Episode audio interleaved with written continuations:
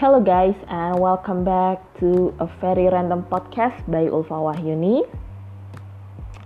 First of all, I would like to say Eid Mubarak for all my fellow Muslims everywhere. Even though maybe this year is not as good or joyous as it used to be, but I hope everyone is having a good time and obviously good food. And today, I would love to review and probably read the first few paragraphs of a book called uh, More to the Story by Hena Khan. I totally recommend this book for everyone because this is, even though this is a middle grade fantasy, but I found this book is also educating and fun and also it's a light reading because I think it's only for like 200 pages. And for those who's not really confident with with their English English skills uh, to be exact in uh, their reading skills I think you don't have to worry because I found this book uh, it's very easy to understand. It has a very it has a light and easy language. Since uh, this book is a middle grade fiction, and for those who's interested to read uh, to read more of the story, I suggest you to find this book on the Scribd. Okay, so uh, first, I would love to uh, review this book a bit. So, what exactly this book about? Uh, more of more to the story is uh, inspired by uh, Little Women. I think uh, some of you knows really well the story of Little Women. it also features four sisters except that this uh, this is a modern set uh, of uh, the sisters who's, who also are the Pakistani American Muslim uh, living in Georgia. And one day uh, especially on Eid uh, they were introduced to a boy who just moved from England named named Ali. And Ali is also a nephew of their parents' friends. And I found there are some uh, similarities of uh, Mirza sisters. Yes, uh, their uh, their family name is Mirza, by the way. Uh, comparing to the March sisters, like uh, for example, that first of like there there are four of them, and the the eldest one is uh, called Mariam. I think uh, Mariam is also as lovely and mature as uh, Margaret March. And then the second sister is uh, Jamila. I think Jamila shares some uh, resemblance of uh, Jo. And then the third sister is named Bisma uh, Bisma and Beth does have a similar storyline, but uh, but I but I found uh, Beth's uh, story is better because uh, because of the ending. I don't want to spoil it. and then the last sister, the youngest one, is named Aliza, and Aliza is a brat, same as Amy, and also she's the youngest and she's the baby. But in the end, uh, because this is a middle grade uh, fiction, she doesn't have the same ending as Amy, if you know what I mean. But seriously, but seriously, I think you guys just need to read the book okay? And then uh, because of its uh, similarity, but I think uh, the there are also some uh, uniqueness of uh, Mirza sisters comparing to uh, the March, mm, such as I found that their story is more modern and also wholesome, and it more focused on their life as sisters in modern life probably for those who grow up with siblings will understand it. And also the uh, middle school life is some say that it is the worst of their life but i don't think so. But yeah and this book is also uh, using the uh, Jamila's point of view. So it is the first uh, point of view. And her story is uh, more developed. And it also shows uh, her struggles of being a middle grade student and Jamila also has this conflict with her uh, I, I think it's her rival in newspaper club if I'm not mistaken yeah I can I can say it's uh, it's her rival or her her fellow member of uh, newspaper club. Uh, she also uh, has this conflict with uh, her younger sister and also with uh, Ali.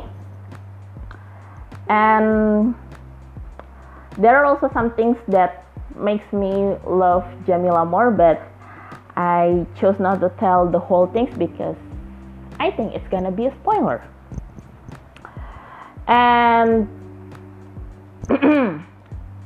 and this book is uh, uh, this book uh, this book setting is in modern era so like I I think I have mentioned it before that it has different ending than Little Women and I love and I think uh, I love this uh, this book because uh, I love the platonic relationships uh, between the sisters, the Mirza sisters with Ali, and also it explores more about uh, how close uh, Jamila with her dad, who's who's in the in this book has to work and in uh, has to work in other countries because of his job.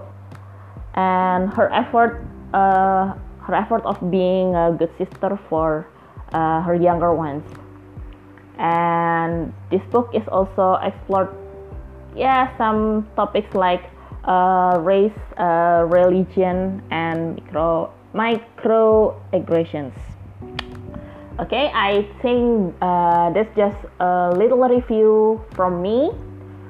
And for the next part i'm going to read the the i'm going to read the first few chapters the first few paragraphs from uh, the first chapter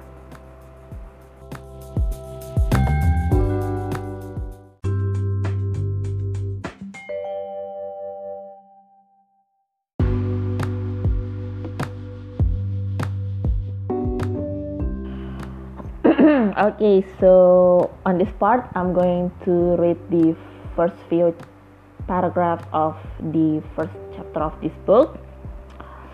Uh, i hope you enjoy my reading. And here we go. This is the worst Eid ever. Aliza flops onto the sofa and grabs the tv remote You'll wrinkle your outfit, Bisma warns. I don't care, Aliza says, then quickly adjusts her kameez beneath her. It doesn't feel like it. Baba's not here. We were supposed to leave for the party like an hour ago. And now we're stuck at home because people are coming over. Your whining doesn't make it any better. I snapped at her. She's right that it's been a pretty disappointing day so far. Baba had to fly out fly out for an interview in Maryland early this morning before the rest of us went to the mosque for prayers. It is our first Eid without him, and everyone's been on age. But it's only 3 o'clock in the afternoon. Maybe things will turn around. Come on, guys, it's Eid, Bisma pleads. Can't you be nice each other today? She should be nice. James, al- James always mean to me. Aliza shakes her finger at me, and her eyes filled up. So much for things turning around. There's no way to sugarcoat it. My youngest sister is spoiled rotten. Aliza's only 10. But that doesn't stop her from bossing around Bisma, who's a year older than her. And it doesn't matter to her that I'm 13 and in middle school. Aliza doesn't respect me like she should. Jamila, Mama calls me from the kitchen. Can't you go down and get the nice napkins from the garage? Okay. I'd rather face the lizards in the garage than listen to Aliza whine for a second longer. Ever since Bisma saw a baby gecko scamper along the walls and freak out like it had escaped from Jurassic Park, I'm the only one of us girls who dares to go in there alone. The air inside the garage is suffocating, which isn't surprising since it feels like 500, 500 degrees outside. This year it fell in August, the hottest month of the summer. Today also happens to be the kind of record breaking scorcher of a day that, er that earns Atlanta the nickname Hotlanta. The jumbo pack of napkins is on a crowded shelf next to a box marked Jamila's Stuff Private, where I've stored my old journals and collections of last year's middle school newspapers. I was the only sixth grader who was an assistant editor and had an article in every issue of the paper. So I saved two copies of each. I resist the urge to carry the box inside so I can reread them, savoring each word like I want to. Out of the corner of my eye, I spot a lizard, frozen in the place near the garage door opener. I decide it's going to be the subject of a future article in the Mirza Memos. Mirza Memos, the family newspaper I've been writing since I was nine years old. Maybe I'll research whether geckos have ever harmed humans or how to get over the fear of creatures that resemble tiny alligators. If that includes hypnosis, hypnosis, I hope my sisters will let me try it out on them. Okay, I think that's enough like I've mentioned before, if you are interested to read the rest of the book, you just go to the Scribd, download it, uh, download it if you don't have, and then search more to the story. I think you are not going to regret reading this book. Okay, so Ulfa is signing up, and see ya. I hope you guys are having a nice day.